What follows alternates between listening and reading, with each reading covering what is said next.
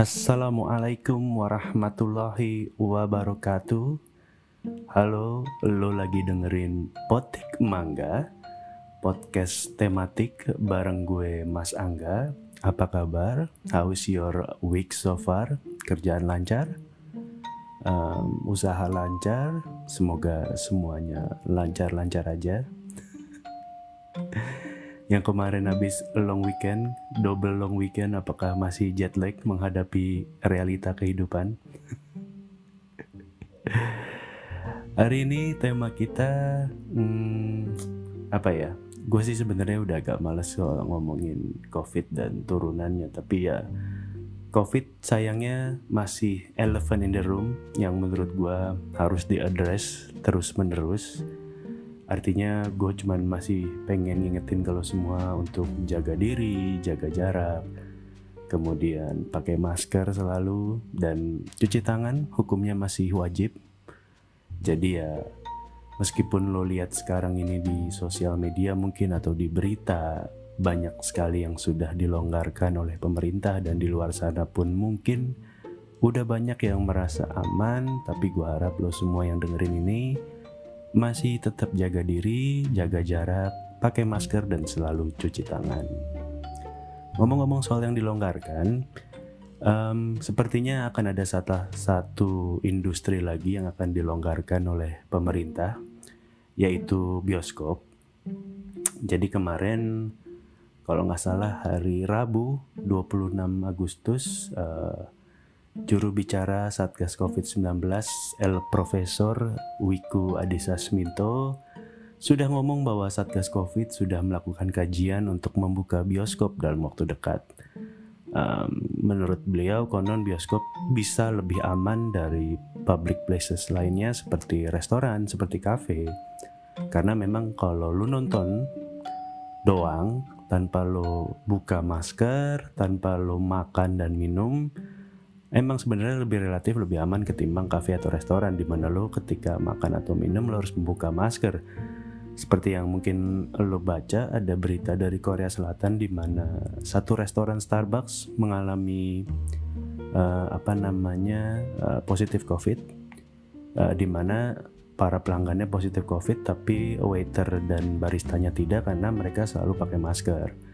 Artinya kalau memang bioskop bisa menjaga penontonnya selalu pakai masker, AC-nya mungkin sirkulasinya bagus, nggak ada makanan, nggak ada minuman, ya harusnya sih secara logika memang bioskop cukup aman. Prof Wiku juga menyampaikan bahwa dengan menonton film uh, bisa bikin sebuah rasa yang bahagia. Artinya kalau lo mengalami perasaan yang bahagia, secara otomatis biasanya imun lo uh, meningkat, hormon-hormon lo positif bisa meningkat sehingga kekebalan tubuh lo terhadap penyakit pun menjadi lebih baik. Tapi ya kalau menurut gue sih memang um, kadang rasa rasa bahagia tidak melulu yang didapatkan ketika kita keluar dari bioskop. Kalau filmnya jelek atau ternyata tidak sesuai ekspektasi juga pasti rasanya malah kesel atau malah marah kali ya. Jadi ya balik lagi ke orangnya, balik lagi ke filmnya, juga balik lagi ke situasinya.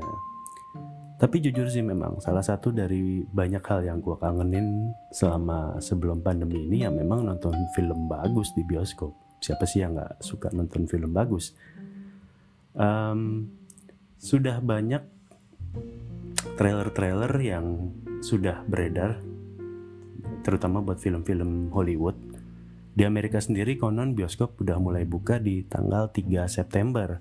Sementara kalau di Indonesia terutama mungkin di Jakarta, eh, kalau kemarin gua nggak salah baca juga dikajinya untuk dipersiapkan buka di 10 September. Tapi we'll see lah apakah soalnya kemarin di 20 sekian Juli juga sempat dibilang mau buka akhirnya belum jadi buka. Uh, yang jelas beberapa film baru sudah mengeluarkan final trailernya dan pengumumannya pun sudah akan rilis bioskop only in theaters apa coming soon at your near theaters di bulan September gitu. Jadi ya di untuk khusus untuk di Amerika mungkin ya mungkin mungkin aja mereka memang udah siap untuk buka di awal September kurang lebihnya kayak gitu. Dari banyak trailer yang nongol di YouTube atau di internet belakangan salah satu film yang trailernya sangat menarik itu filmnya Christopher Nolan Tenet. Tenet Tenet Tenet. Enggak ya? It's so fucking lazy lame joke. Tenet judulnya Tenet T E N E T. Lo lihat aja sendiri di YouTube. Eh, harusnya sih trailernya menggugah rasa lo untuk menonton sih karena trailernya bagus banget. Jadi ya filmnya Christopher Nolan buat lo yang mungkin lupa atau nggak tahu siapa itu Nolan Nolan itu bukan yang bikin helm motor bukan. Jadi dia itu sutradara Aradatus asal Amerika. Beberapa film yang mungkin lo pernah nonton uh, kayak The Prestige itu yang main Hugh Jackman. Inception uh, siapa? Leo DiCaprio. Kemudian Interstellar uh, Matthew McConaughey. Dunkirk sama kalau lo pasti penggemar superhero lo tahu uh, trilogi Batman yang main uh, Kristen Bell. Jadi gua sih juga nggak tahu ya apakah Tenet itu akan sebagus atau sesukses apa di box office. Soalnya memang uh, ya seperti lo tahu kadang trailer juga bisa menipu. Apalagi mungkin secara box office angkanya pasti tidak akan sebagus karya-karya Nolan di eh, periode sebelumnya. Karena ya dengan adanya pandemi covid mungkin orang yang nonton beneran ke bioskop berkurang jauh banget sih misalnya katakanlah filmnya tadinya sekian ratus juta dolar gitu mungkin ya sekarang pendapatannya mungkin bisa setengahnya atau bahkan berkurang. Karena yang pasti buat orang datang lagi ke bioskop pastinya nggak secepat itulah. Apalagi dengan kapasitas yang diturunin uh, 50% yang pasti Tenet kalau lo nonton sinopsisnya gue rasa sih premisnya cukup sederhana ya. Uh, jagoan agensi CIA kemudian kayaknya dia direkrut sama organisasi yang lebih rahasia lagi dari agen rahasia jadi agen rahasia kuadrat mungkin ya. Jadi terus ada hubungannya sama mengendalikan waktu. Jadi kalau lo lihat di trailernya meskipun kurang dijelaskan secara detail tapi kayak ada beberapa kali dia bisa uh, memutarbalikan waktu lah. Kurang lebihnya kayak gitu sih um, yang main itu John David Washington. Kalau lo yang nggak tahu dia itu siapa emang kurang ngetop sih sebenarnya. Tapi mungkin lo tahu bapaknya. Bapaknya namanya Denzel Washington. Denzel Washington salah satu aktor yang keren. Luar biasa. Si John David itu belum pernah membintangi sebuah film yang cukup ngetop lah kalau bisa dibilang kayak gitu. Jadi sempat main beberapa film sebelumnya tapi kayaknya belum ada yang sebesar ini kemudian satu lagi pastinya mungkin familiar faces buat lo satu lagi yang main adalah Robert Pattinson si Robert Pattinson ini kalau lo nggak tahu dia dulu adalah Edward Cullen di film Twilight idola para wanita remaja di era 2000-an sampai ah, awal 2010-an mungkin. Karena sempat main di Harry Potter. Kemudian uh, pastinya Edward Cullen di Twilight, film yang mungkin sebagian besar wanita menonton itu di eranya. Tapi si Robert Pattinson ini memang kayaknya setelah Twilight di 2010-an awal ya, 2012 kayaknya Twilight yang terakhir tuh kayaknya nggak pernah ada film lagi yang bisa bikin namanya dia naik atau bahkan bisa sesukses Twilight ya film-film yang setelah Twilight itu pastinya kayaknya cenderung biasa-biasa aja dan agak gagal kayaknya di box office. Ya yang pasti sih harusnya Tenet ini jadi pembuktian banyak orang sih. Maksudnya kayak si sutradaranya Nolan juga pasti pengen buktiin bahwa filmnya oke okay, masih oke. Okay, gue sebagai sutradara oke. Okay, soalnya kayaknya di Dunkirk film terakhirnya agak kurang. Gue juga nggak tahu sih kenapa itu kemudian ya kalau John David pastinya pengen pengen apa ya? Pengen buktiin kalau dia lebih hebat dari bapaknya sih.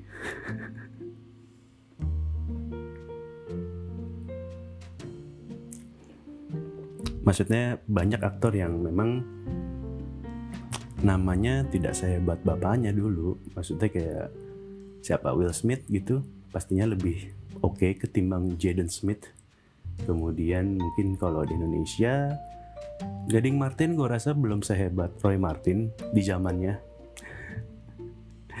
Jadi ya ini sebuah pembuktian apakah John David Washington lebih hebat daripada Denzel Washington. Uh, ya semoga ini kan jadi breakthrough filmnya dia sih.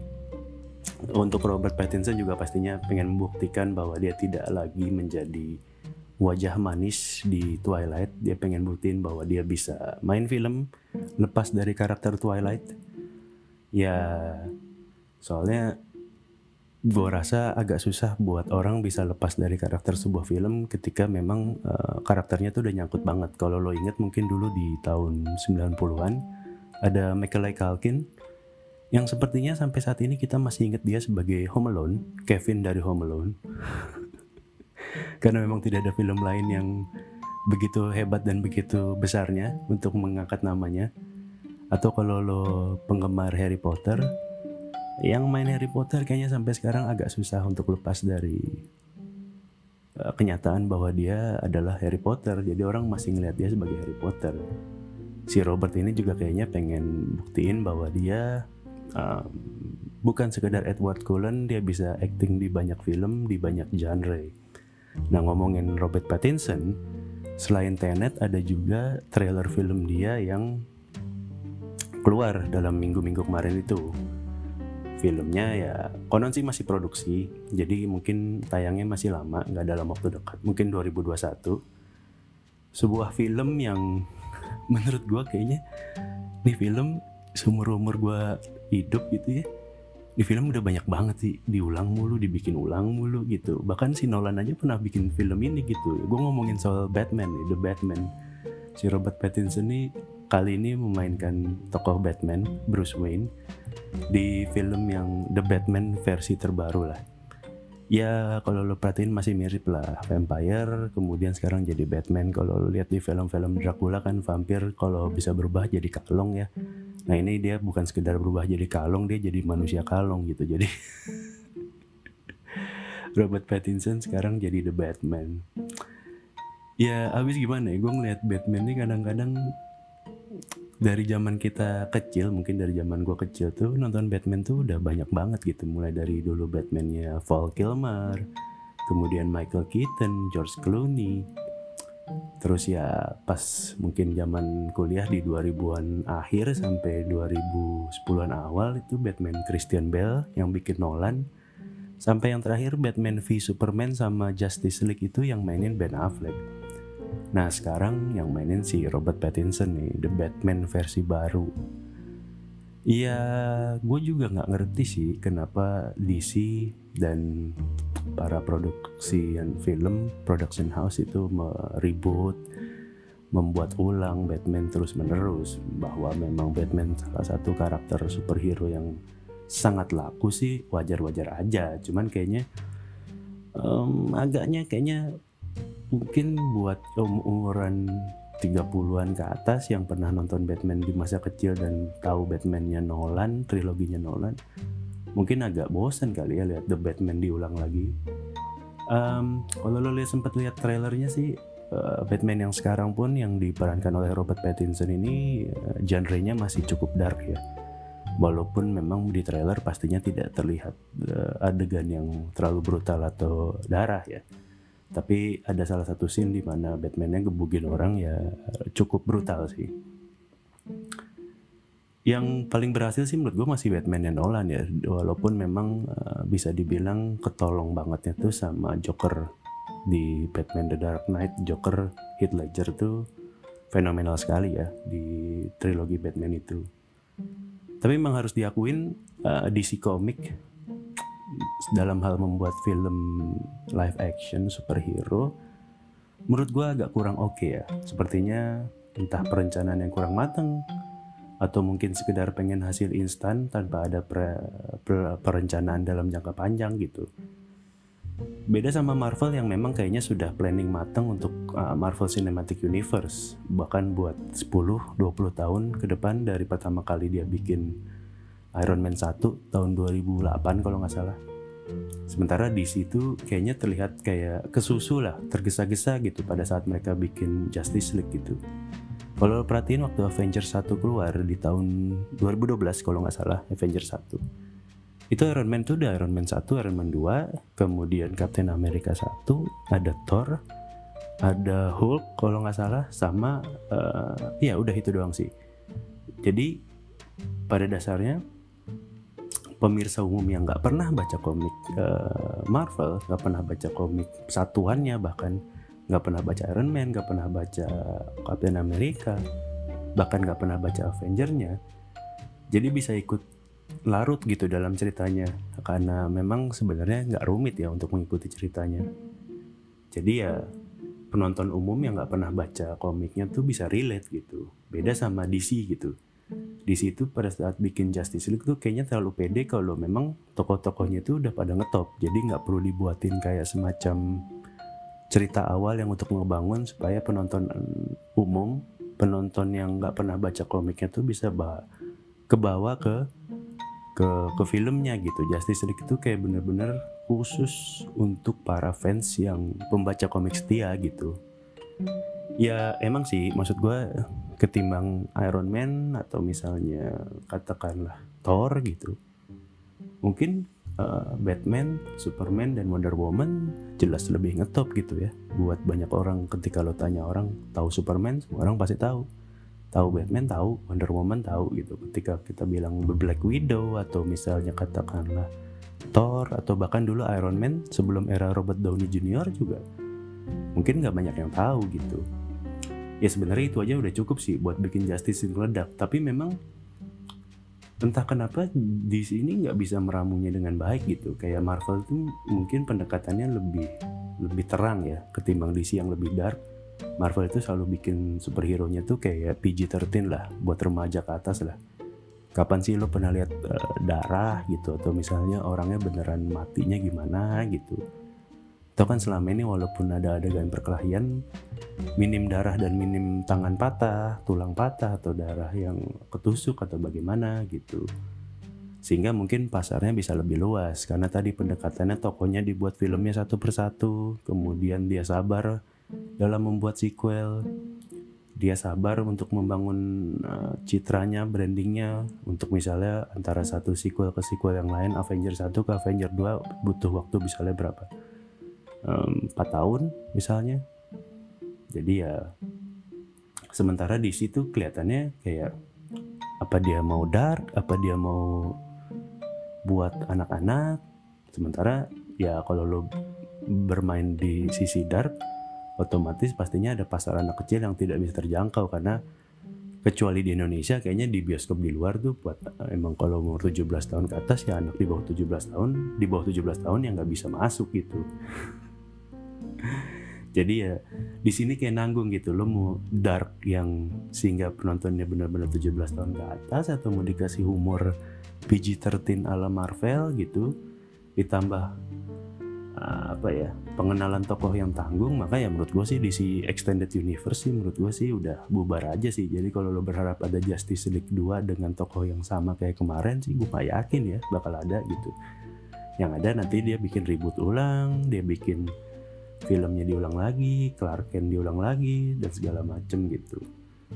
Tapi maksud gue kayak Batman ini anjir Batman tuh banyak banget loh. Gila Batmannya Nolan gitu jadi Ben Affleck sekarang jadi Robert Pattinson gitu. Dan ya inilah jeleknya menurut gua eh, kontranya sebuah film dibikin ulang ya. Filmnya pasti akan selalu membandingkan gitu ketika misalnya Robert Pattinson nanti akhirnya filmnya tayang kita akan selalu membandingkan apakah dia lebih bagus dari Ben Affleck apakah dia lebih bagus dari Christian Bale. Ya sama kayak misalnya Joker juga kan. Pasti akan selalu dibanding-bandingkan gitu. Kalau di Marvel mungkin yang mirip-mirip dengan kasusnya si Batman ini adalah si Spider-Man karena memang dulu sebelum uh, dia gabung ke Marvel Cinematic Universe Spider-Man emang dipegang oleh Sony kan jadi ya film Spider-Man pertama kalau lo inget dulu kan si siapalah itu yang namanya yang pendek itu.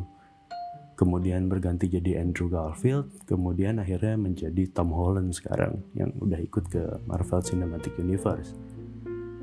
Dan ya itu tadi kritiknya pasti akan selalu ada.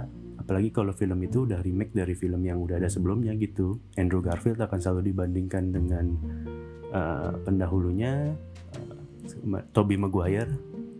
Kemudian uh, Tom Holland juga akan selalu dibandingkan dengan Andrew Garfield gitu.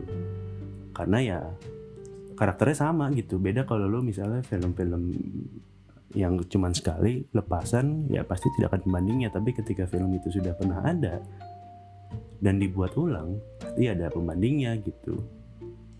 Ya karena sebenarnya menurut gue sih sebuah aktor tidak bisa menjadi orang lain maksud gue gini kita ngomongin jokernya Heath Ledger deh gitu di mana itu meraih Oscar gitu. Sementara kemarin pun uh, siapa namanya Joaquin Phoenix juga memerankan Joker. Tapi apakah mereka bisa dibandingkan satu sama lain? Menurut gue sih nggak bisa gitu. Semua orang pasti punya karakternya masing-masing. Setiap karakter bisa dijiwai dengan caranya masing-masing oleh si aktor gitu. Karena pasti beda setiap film punya pesan dan aktornya masing-masing dan bahwa penonton membandingkan yaitu memang hak penonton. Dan bahwa penonton misalnya punya pemahaman sendiri punya interpretasi sendiri terhadap filmnya ya itu pastinya gitu. Toh tiap pembuat film juga nggak mewajibkan penonton untuk sama gitu pemahamannya. Kalau misalnya ada orang yang memahami secara berbeda ya sah-sah aja gitu. Karena sebagaimana karya seni uh, semua dikembalikan kepada penikmatnya gitu film pun karya seni tujuan utamanya ya menghibur. Bahwa setiap film misalnya bahwa ada film yang misalnya ada sisi edukasinya atau nilai-nilai positifnya itu dikembalikan lagi ke penontonnya. Kalau film itu berniat mengedukasi penontonnya juga tak teredukasi kan juga filmnya nggak bisa disalahkan karena kembali lagi ke penontonnya. Film tidak wajib untuk harus selalu memberikan nilai edukasi dan positif atau nilai-nilai normal lain yang bisa dimaknai dalam kehidupan gitu. Gue ambil contoh kemarin juga di Indonesia lagi trending sebuah film pendek di YouTube. Lu masih bisa lihat. Sekarang mungkin penontonnya udah belasan juta kayaknya. Sebuah film pendek Tilik judulnya. Karya Rafacana Films kalau gua nggak salah. Itu dirilis di kemarin di 17 Agustus pada saat hari kemerdekaan. Filmnya sih agak lama ya kalau nggak salah produksinya itu tahun 2018 jujur gue belum pernah lihat film pendek Indonesia yang bisa trending segitunya Artinya buat belasan juta film Indonesia, film pendek Indonesia di mana aktornya tidak terkenal, di mana produksi filmnya, production house-nya juga nggak terkenal, sutradaranya nggak terkenal, paling tidak untuk orang umum ya, orang awam gitu. Itu sama sekali tidak terkenal dan filmnya full berbahasa Jawa. Oke okay lah orang Jawa, uh, suku Jawa, suku paling banyak di Indonesia jumlah penduduknya. Tetap aja untuk buat film pendek belasan juta dalam dari 17 Agustus ke sekarang mungkin sekitar satu minggu. Luar biasa sih menurut gue.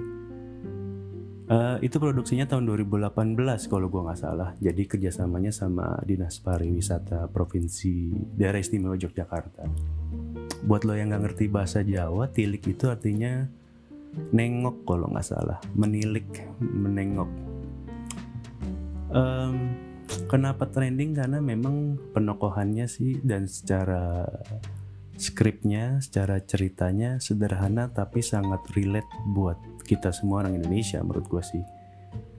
Um, intinya sih mencerminkan wajah Indonesia dewasa inilah. Um, ini ada hubungannya mungkin sama netizen Indonesia uh, maupun orang-orang yang bahkan tidak terkena internet sekalipun. Masih banyak kita temuin tokoh-tokoh yang mirip dengan yang ada di film itu gitu. Di mana ada dua tokoh utama ceritanya uh, berdebat mengenai satu hal. Dalam kasus ini di Tilik ini ada seorang wanita namanya Dian dua tokohnya itu si Bu Tejo sama Yuning kalau nggak salah. Mereka saling berdebat saling adu argumen seolah-olah apa yang mereka omongin itu benar walaupun baik yang membela gitu ya yang ngomongin buruk yang ngomongin buruk itu yang menjatuhkan Dian itu cuma cocokologi. Sementara yang ngomong baik juga berasumsi hanya positive thinking semata gitu. Tanpa dua-duanya ngomong nggak ada fakta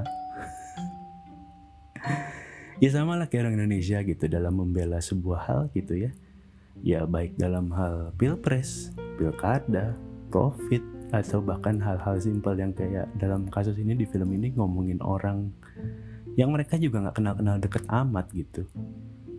Yang ngejelekin berdasarkan cocok logi sementara eh ya yang yang ngeba, ngebelain juga cuman berdasarkan asumsi positif thinking sementara gitu.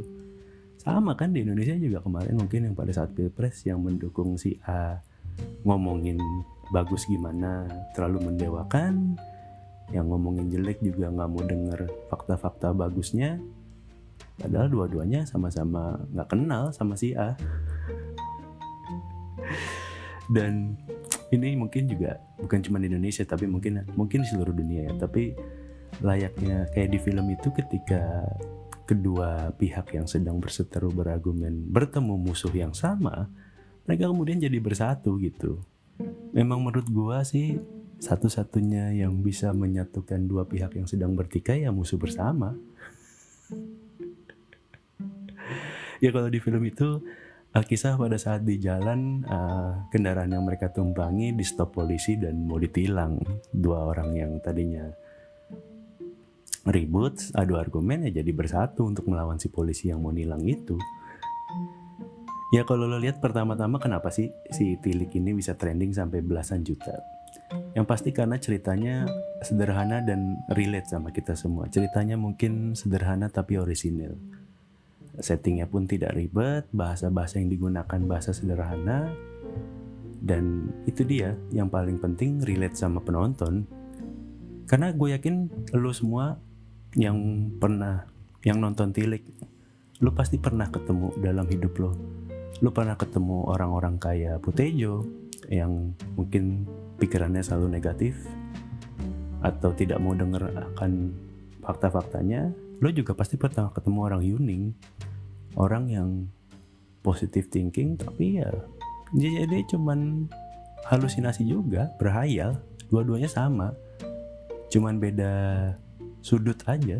Yang satu di sudut merah, satu sudut biru kalau lagi tinju gitu, dua-duanya tapi omong kosong, sama-sama nggak ada fakta. Dan lo pasti bahkan ketemu pernah ketemu orang kayak Dian yang diomongin tanpa lo tahu tanpa lo kenal yang pasti alurnya lucu alurnya sederhana. Di beberapa bagian itu apa ya terlihat sangat Jawa karena memang seluruh tim dalam bahasa Jawa dan ya tapi menurut gue sih ini nggak cuma ada di Pulau Jawa ya nggak cuma ada di Jawa Tengah atau Yogyakarta sekalipun gitu. Pasti menurut gue cerminan bangsa Indonesia dari ujung ke ujung gitu menurut gue sih. Ya kalau lo belum nonton spoiler alert spoiler alert bahwa di akhirnya yang jahat itu menang menurut gue sih itu memang uh, alur aja cerita dari si sutradara atau si penulis naskah gitu. Karena ini trending dan mungkin karena orang Indonesia belakangan lagi kurang hiburan makanya juga trending. Maka ya beberapa netizen maha benar kritikus film dan juga para sinias berkomentar sama film ini. Ada yang komentar bahwa filmnya nggak mendidik. Karena yang jahat kok yang menang. Ada yang bilang filmnya hanya mendiskreditkan perempuan. Film yang nggak mendidik ngajak ngajarin orang jadi naik truk. Buat gue sih kayak gini-gini nggak perlu di ditanggapi secara serius ya. Maksud gue kayaknya ya mungkin beberapa dari mereka juga bercanda sih dalam tadi yang gue bilang mengajarkan orang buat naik truk ya masa ya tiba-tiba gara-gara film itu lo jadi naik truk kan nggak juga? gitu balik lagi gitu. Cuman kadang-kadang kalau memang orang-orang itu yang mengkritik serius ya santai aja lah dalam menikmati film. Karena tadi gue bilang film tuh nggak harus mendidik gitu.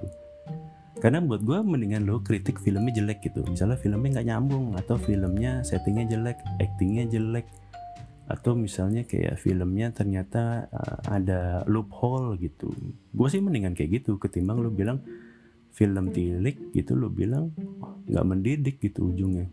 Uh, mendingan lo bilang ah, kok ini si ini actingnya jelek ya? Kurang menjiwai. Gue nggak percaya nih kalau dia seorang apa gitu misalnya. Menurut gue sih kayak gitu. Gue kasih coba kritik yang menurut gue kritik gue terhadap film yang jelek. Jadi uh, untuk kali pertama juga di tanggal 17 Agustus itu ada film Indonesia yang premier di Netflix. Uh, disebut premier di Netflix karena belum pernah tayang di mana pun. Di bioskop sekalipun tidak sempat tayang karena keburu pandemi yaitu guru-guru gokil. Guru-guru gokil adalah sejarah buat film Indonesia di mana dia film pertama yang akan Film pertama yang sudah rilis secara premier di Netflix. Film-film sebelumnya itu hanya uh, lemparan dari setelah dari bioskop sudah turun kemudian dilempar ke Netflix bisa ditonton di Netflix. Semoga sih ke depannya banyak film-film yang kayak gitu ya bisa premier di Netflix. Kenapa sih gue bilang guru-guru gokil ini menurut gue kurang oke okay sih? Artinya mungkin bagus tapi ada beberapa hal yang mungkin bisa diperbaikin pertama memang ada hal-hal yang tidak kontinu dan tidak logis. Oke okay lah gue tahu film superhero kayak tadi gue ngomongin film Batman ya mana ada logis mana ada sih film mana ada superhero di dunia nyata ini gitu. Tapi maksud gue gini nih. Pertama ada beberapa karakter yang memang tidak kontinu maksud gue kayak karakter btw ini spoiler alert lagi buat lo yang belum nonton ya mampus gue lagi ngomongin guru-guru gokil. Oke okay, pertama Dian Sastro. Sebagai karakter dia disebut nggak nyambung alias ketika lo ngomong A uh, dia akan menjawab B. Tapi kenapa cuman di awal film ya? Kayak cuman pas ada saat perkenalan tokoh di tengah dan kemudian menuju ke akhir ketika kita ajak eh sorry ketika karakter lain ngajak ngobrol Dian Sastro nyambung tuh. Kayaknya kurang konsisten gitu nggak kayak Haji Bolot yang kalau lo omongin nggak nyambung gitu kan sepanjang sepanjang film gitu. Kemudian ada hal yang mengganggu pikiran gue sih mengenai guru-guru gokil ini uh, premisnya adalah uh, uang gaji sebuah SMA itu dirampok. Dan guru-guru ini berusaha untuk mengambil alih lagi duit mereka.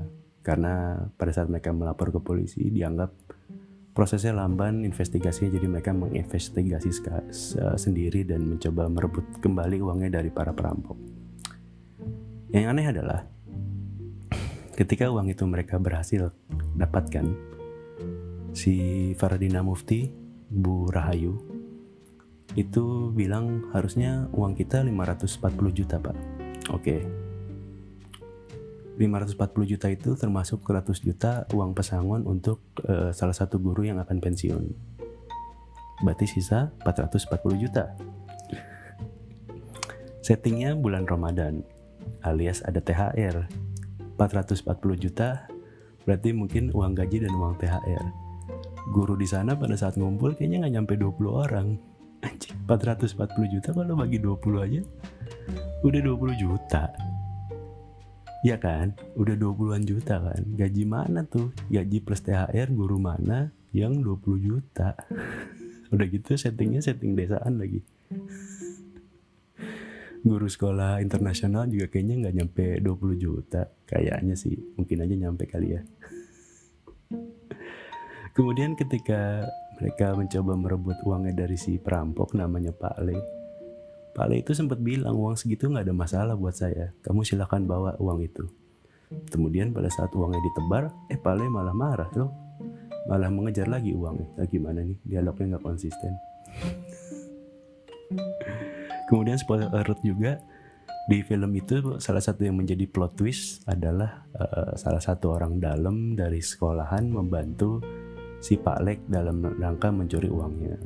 Cuman kita nggak pernah tahu da, bagaimana cara si orang dalam itu membantu Pak Lek. Apakah di awal pada saat pencurian atau di tengah atau pada saat uangnya sudah di, diambil lagi gitu. Nah itu nggak dijelasin tuh. Tapi menurut gue sih secara umum film guru-guru gokil ini emang cukup menghibur sih. Artinya kalau lo butuh ketawa, butuh hiburan gue rasa ini cukup lah dalam kategori cukup. Cuman ya gitu um, kebanyakan film Indonesia tuh kadang penyakitnya menurut gue setupnya bagus pengenalan tokohnya bagus. Cuman kadang endingnya klimaksnya penyelesaian masalahnya terlalu cepat terlalu sederhana. Ya film itu kan ada premis ada permasalahan kemudian ada penyelesaian. Nah masalahnya udah bagus kadang premisnya udah bagus. Penyelesaiannya yang kadang menurut kita tuh menurut gua agak terburu-buru atau terlalu sederhana. Kurang lebih kayak gitu sih. Anjing udah lebih dari setengah jam gua ngomong. Geblek. Ya anyway balik lagi ke Tilik gitu ya. Harusnya sih film Tilik ini bisa jadi pemacu untuk banyak sinias muda buat berkarya ya. Artinya kadang seorang anak muda yang pengen jadi sinematografer, pengen jadi filmmaker gitu, pengen film yang megah, film yang mewah. Padahal padahal kadang untuk sebuah membuat film, sebuah karya gitu ya. Yang penting itu ceritanya sederhana dan relate bagi para penonton gitu. ketika lo udah mendapatkan dua itu original relate dan apa namanya uh, sederhana pasti menurut gue sih akan menjadi salah satu kunci keberhasilan ya ya semoga sih nanti setelah covid selesai atau mungkin para sinias bisa para bekerja ya kita kembali disuguhkan sama film-film Indonesia yang oke okay lah. Yang terbaik karya-karya sinias lokal di bioskop gitu. Ya semoga nanti juga para netizen sudah tercerahkan dan nggak lagi menuntut film harus mendidik. Biarkanlah para penonton ini menikmati film sesuai dengan jalurnya masing-masing. Biarkanlah tiap film pesannya berbeda-beda di tiap penontonnya.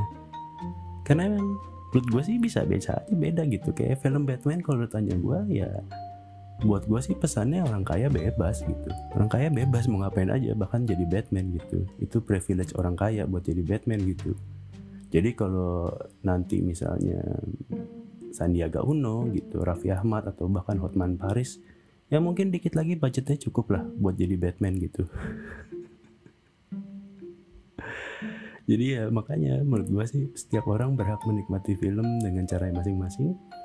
Buat lo yang nanti akhirnya bioskop sudah buka gue sih cuman pengen bilang gak ada yang maksa lo buat buat datang ke bioskop. Jadi kalau memang pemerintah akhirnya membuka bioskop ya sudah biarkan saja. Mungkin itu itu salah satu usaha pemerintah untuk membuka uh, lapangan pekerjaan lagi untuk membuka industrinya lagi banyak karyawan yang kemudian hidup lagi gitu. Dan sekali lagi sih nggak ada yang maksa lo buat nonton ke bioskop kalau emang lo belum nyaman. Nggak ada yang maksa lo ke mall. Nggak ada yang maksa lo ke kafe semua orang harus jaga dirinya masing-masing. Kalau emang lo nanti akhirnya pun harus dan pengen nonton ke bioskop ya pastiin lo juga jaga diri jaga jarak. Cuci tangan yang pasti pakai masker jangan sampai lepas. Ya hopefully nantinya ketika memang sudah buka semuanya aman-aman aja dan nggak bikin penularan covid makin tinggi. Oke okay lah udah hampir 40 menit gua ngomong. Thank you very much for listening. Happy weekend. It's gonna be a weekend. Kalau nggak salah ini akan tayang di hari Jumat. Jumat itu tanggal 28 Agustus. Happy weekend. Semoga weekendnya terhibur dengan tontonan-tontonan yang menarik. Karena seperti Prof Wiku bilang tadi tontonan yang menarik membuat hati bahagia dan hati bahagia membuat daya tahan tubuh meningkat daya tahan daya tahan menuh tubuh yang meningkat membuat kita semua bisa aman dari COVID-19. Thank you for listening. Have a good weekend. Goodbye.